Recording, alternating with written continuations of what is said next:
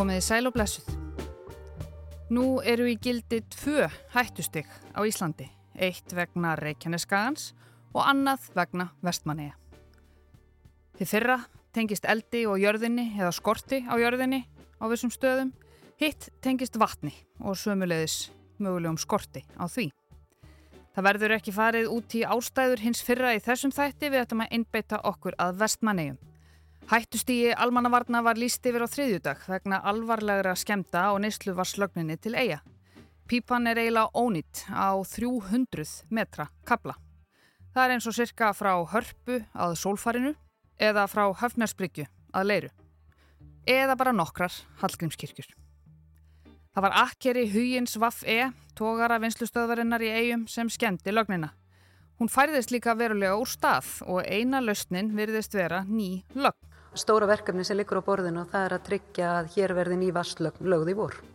Bráðabyrða viðgerð er sögð erfið eða ómöguleg og ekki nómið það heldur hefur nú komið í ljós að akkeri hugins sleit líka ljósleðaran til vestmanneia. Sömulegðis er óttast að rafstrengur hafi skemst. Þetta er heldur betur mikið kjón. En fólkið í eigum þau eru svo sem ímsu vön þau voru bara nýbúin að fá rennandi vatn í húsin sín þegar hálf beðin fórundir hraun. Ég heiti Sunna Valgerðardóttir og í þetta helst í dag förum við til eiga. Við förum ekki með herjólfi því hann er bilaður, við förum bara í huganum. Nefna þið sem eruð nú þegar í eigum að hlusta þið þurfið ekki að fara neitt en ef þið neyðist til þess að sigla þá þurfið þið vist að taka gamla herjólf til Þorlákshafnar því hann kemst ekki í landegahöfn. Ætli það sé ekki bara best að halda sig heima á meðan það rennur vatn að minnstakosti. Flestir telja það eitt megin skilirði fyrir búsetu að und sé að fá gott drikjarvatn og víðast hvar á Íslandi er ekki skortur á því frá náttúrunar hendi.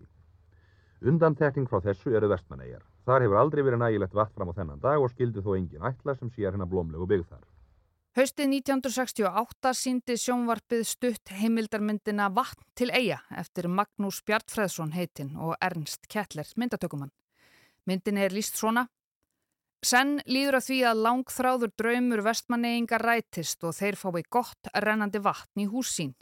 Í mynd þessari er saga vassveitumálsins rakinn og sínt þegar að neðansjávarleðslan var lögð síðastliðið sumar. Og þetta er Magnús hér sem hefur orðið. Fyrir 130 árum samti sér að Jón Östmann hér að slýsingu vestmanneyja og telur eigarnar að mörguleiti eitt lífæðinlegasta kjálkalandsins en segir samt að við líki að ókosturnir hafa yfirhöndina. Telur hann fyrst inn óskaplega ungbarnadauða sem var að völdum ginnklofa, þá slísfarar á sjó og í björgum, eldiviðarskott, slæmar samgöngur vegna skipaleisis, illa verslun og segi loks. Hér við bætist sá ókosturinn sem stundum rýður af allan bakkamunin er það vaskorturinn. Og höfum í huga að myndin er frá 68, það eru enn 5 ár í eldgósið. Það hefði verið útloka fyrir vestmanna lifi í eigum sínum ef þeir hefðu ekki hangnýtt sér rigningarvatnið, en það var kleift eftir að járþök kom á hús. Hvergi á landinu mun eins vel gengi frá þakrennum og í vestmannegjum því lífsnauðsynlegt hefur verið að hangnýta hvern rektrópa sem á þökinn fellur. Vatnið er síðan leitt í brunna við og undir húsunum. Sumstaðar er halvur kjallarinn notaður fyrir vaskgeimi og þeir eru oft frá 30 og upp í 50 tennismetra. Það er mest að furða á hvaða vatnið er gott, regnvatn, fúlnar síður en uppsprettu vatn og öll óhreinindi botnfalla í töngunum. En nú skulum við spóla meira en halva öld fram í tíman til förstudagskvöldsins 17. november. Það er búið að rýma Grindavík. Svartsengi er í hættu og þar með vatn og rafmaksskömmtun til um 30.000 íbúa Íslands. Neiðarsteg er í gildi. Íslandingar hafa kefst við að bjóða grindvíkingum húsaskjól ekki síst vestmannegingar vitandi vel hvaða getur kostað að búa á eldfjallaegu eða á eldfjallaegu við eldfjallaegu. Þó að þessi vissulega ókostur að búa þar sem eldfjall getur gósið í gardinum hjá þeir eða húsið eitt brotnaði sundur vegna kvikurhefinga, þá er eldvirknin auðvitað ekkit alls slæm, þetta vitum við Íslendingar, með það sem við fullirðum að sé besta vatn í heimi og reynasta orkan og jarðhittin og allt það. En vestmannegingar hafa því miður bara fengið að kynnast ókostunum. Það er aska á þakkinu. Hann hætti að vera regningan, það er komin aska núna, bílur, bílur hér á takinu. Já, hvernig sem? En það er ekki fyrir núna bara meðal ég er að tala við þig. Nei. Eldvirknin í eigum tekur bara, hún gefur ekki mikið, ekki einu svonni kallt vatn. Eigamenn fá vatnið sitt í gegnum leðslu frá landi. En svo gerðist það þarna seint á förstudagskvöldinu fyrir tæpum tveimur vikum að akkeri hýjins Vaffe festist í vasslögninni sem liggur samsíða rafmaksköplum í einsiklingunni við Klettsnef og skemdirnar eru alvarlegar. Já, hún er verulega röskus. Ástandi á henni er vond, þannig að það getur bröði til begja vona. Allar þessar vinstur og allar þessar útgerðir og allar þessi skip taka til sér mjög mikið af fersku vatni og það þarf mikið til að koma að setja þjóna þessum aðilum ef að þessi lögn þjónar okkur ekki. Og ef að eh, færi á vestaveg að þá skapast hér alvarlegt ástand í Vestmanneum. Það er alls konar leiðir til að koma neysluvatni hingað og svo líka bara hvað ef, ef ekki þetta er að gera. En... Þetta áauðið ekki að geta gerst en gerist og þá, þá er spurningin af hverju. Eitthvað bílun í tækjum eða, eða eitthvað mistök. Markmiðið er að koma í vekk fyrir að skapja sneiðir ástand. Þetta voru þau Karl Gauti Hjaldarsson, lauruglustjóri, Guðrún Hafsteinsdóttir, dómsmálaráþara og Víðir Reynisson, Eija og aðal almanna varnar maður í fréttonum í vikunni. Þó lauruglustjórin hafi ekki viljað taka djúft í árina varðandi ábyrð og mistök og svo leiðist þá gerðist það reyndar sama dag að skipstjóri hugins og stýrimæðurinn líka hættu störfum hjá vinslustöðinni. Það var samið um starfslokk, sagði í fréttum. Mennirnir voru reyndar báðir skipstjórar þó að annar þeirra hafi gengt stöðu stýrimanns þegar lögnin var skemmt. Sigur Geir Brynjar Kristgersson, framkvæmdastjóri vinslustöðvarinnar, saði við rúf að innri rannsókn á atvikinu sé lokið en endarleg niðurstaða sé í höndum rannsóknanemnda samgönguslýsa og lauruglunar. Þetta er ótrúlega bara öllu litið umulett. Þetta er vasklögn Vestmanægi og þetta er lífaðin eitthvað til eiga og, og þannig að þetta er mjög mikið og alvarlegt tjón og við tökum þeirra bara alvarlega. Saði Sigur Geir Binni Kristgersson í vinslustöðinni skömmu eftir óhappið. Það stendur þó ekki til að rýma vestmannegar, jafnvel þó að leiðslan gefi sig alveg. Það verður bara flutt vatnangað í stórum stíl. Ekki með nýja herjólfi þó því hann er bilaður, en sá gamli er komin heim í afleysingar frá færiðum. Það er búið að fjölga flugferðum á meðan þetta ástand er, nú er flóið einu sin á dag og eigamenn fá afslátt. En aftur á vatninu, Eins og er þá þykir ekki þörf á því að spara það eða sapna því. Varatankarnir geima 5.000 tonn af neysluvatni sem ætti að döga í nokkra sólaringa og jafnvel á aðra viku.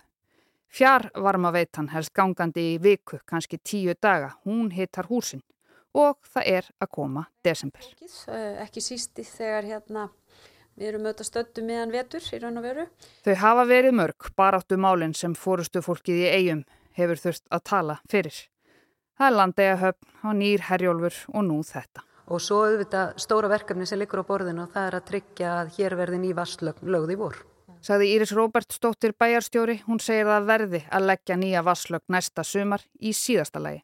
En nú er verið að vinna rýmingar áallun sem gerir ráð fyrir fluttningi viðkvamasta hópsins, sjúklinga og gamalsfólks upp á land.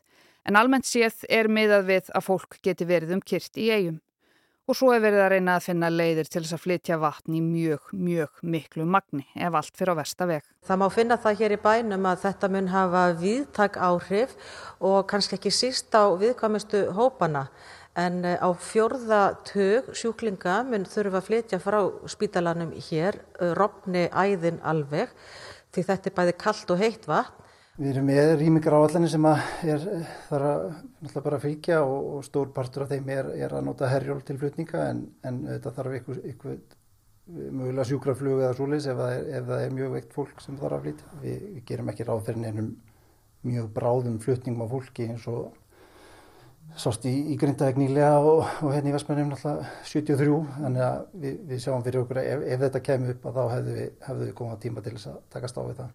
Lögnin er svo mikið skemmt að það er sagt tilgangslust að gera við hana, segja þau sem til þekkja. Hlýðakápa er farin af á stórum köplum. Játn eh, varnir í kringum plastleðslun og sjálfa sem flyttu vatnið er eh, viða mjög skemmt. Leðslan er fæst mikið úr stað.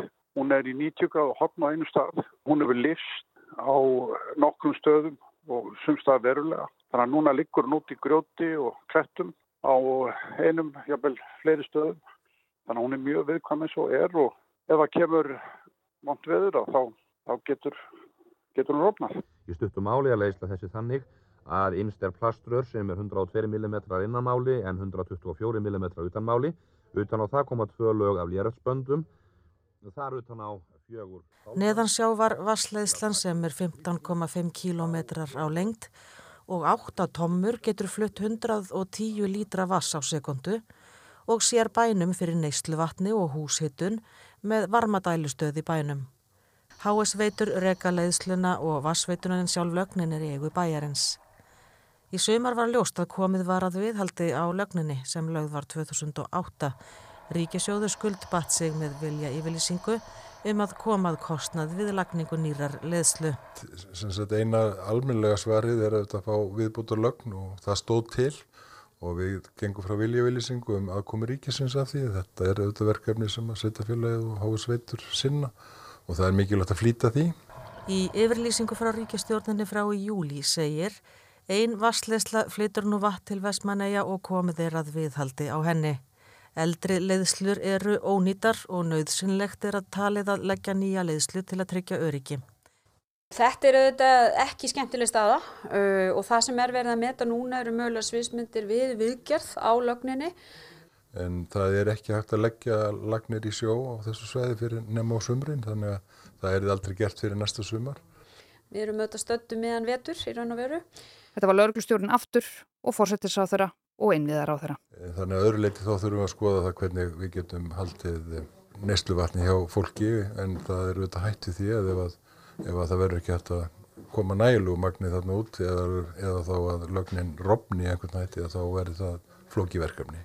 Almannavarnir er að fara yfir þessi mál og það verður svo fundur í, í, á meðal ráðnættistjóra í dag þar sem verður farið svona yfir þetta allt saman hvernig við einhvern meginn klárum þetta mál sem er eins og ég segja heldur óskemmtilegt. En tíminn hann flæðir svo litið í þessum þætti eins og vatnið og nú skulum við hoppa aðeins aftur til ársins 1998. Það voru tímamót. Á þeim 30 árum sem liðin eru frá því að vatni kom hingað til Vestmanæja hefur mikið vatn runni til sjávar í gegnum hús og hýbíli.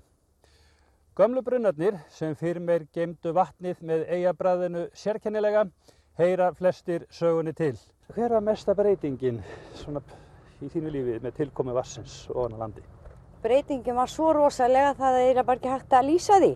Það er til dæmis eins og einn kona sem átti heima hérna sagði að það þurfti að spara vatni svo að á mótnana byrja hann á því að þurrku glukkonum þegar vatni var í þeima með að var einfalt gler. Svo pressaði hann buksunar á strákunum þegar þið fór í skólan og síðan hitta á vatnu og skúraði með því. Og þetta var náttúrulega þessu var lokið. Við gáttum fara að nota vatni eins og við vildum. Nóg vatn í bakarið, klósettið og geta þarna þvegið almenna og skóla tauið. Vatnið er nefnilega, ólíkt tímanum, ekki sjálfsagt. Og tilhugsunin um að missa það er ekki góð eins og Linda Blöndal fréttamaður kom stað í eigum í vikunni. Hvernig slóðu þessa fréttir því í morgun að það sé komið hættusteg út af þessu? Ég, ég veit ekki hvernig ég get útskýrt þessa tilfinningu að, að þurfa að sapna einhverju vassflöskum og ég get komast ekki í styrtu eða ég veit það ekki.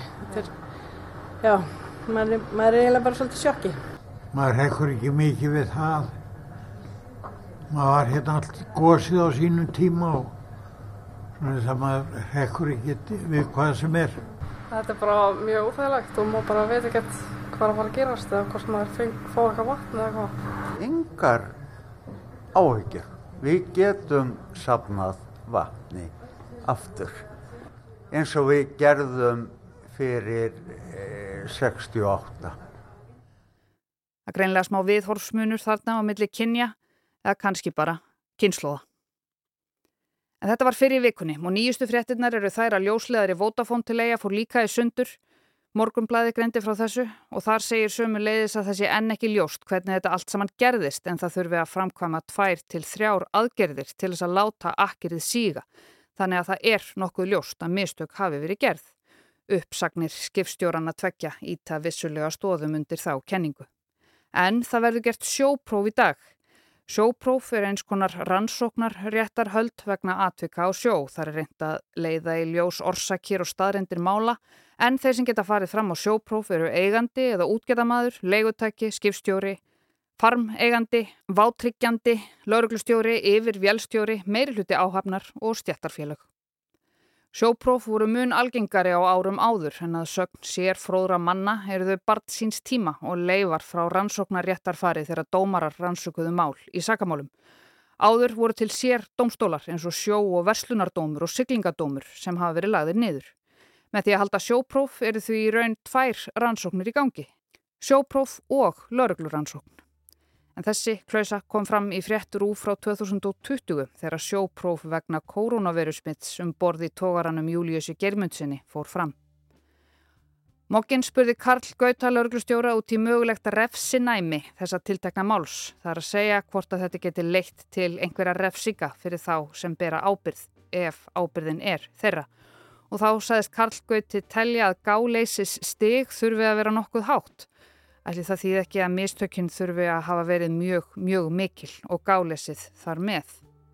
En við skulum segja þetta gott í byli frá vestmannegjum og vonum að leiðslan haldi En það, eins og svo margt annað, verður að koma í ljós. Það er vist nóg að gera hjá stjórnvöldum og almannavörnum þessa dagana.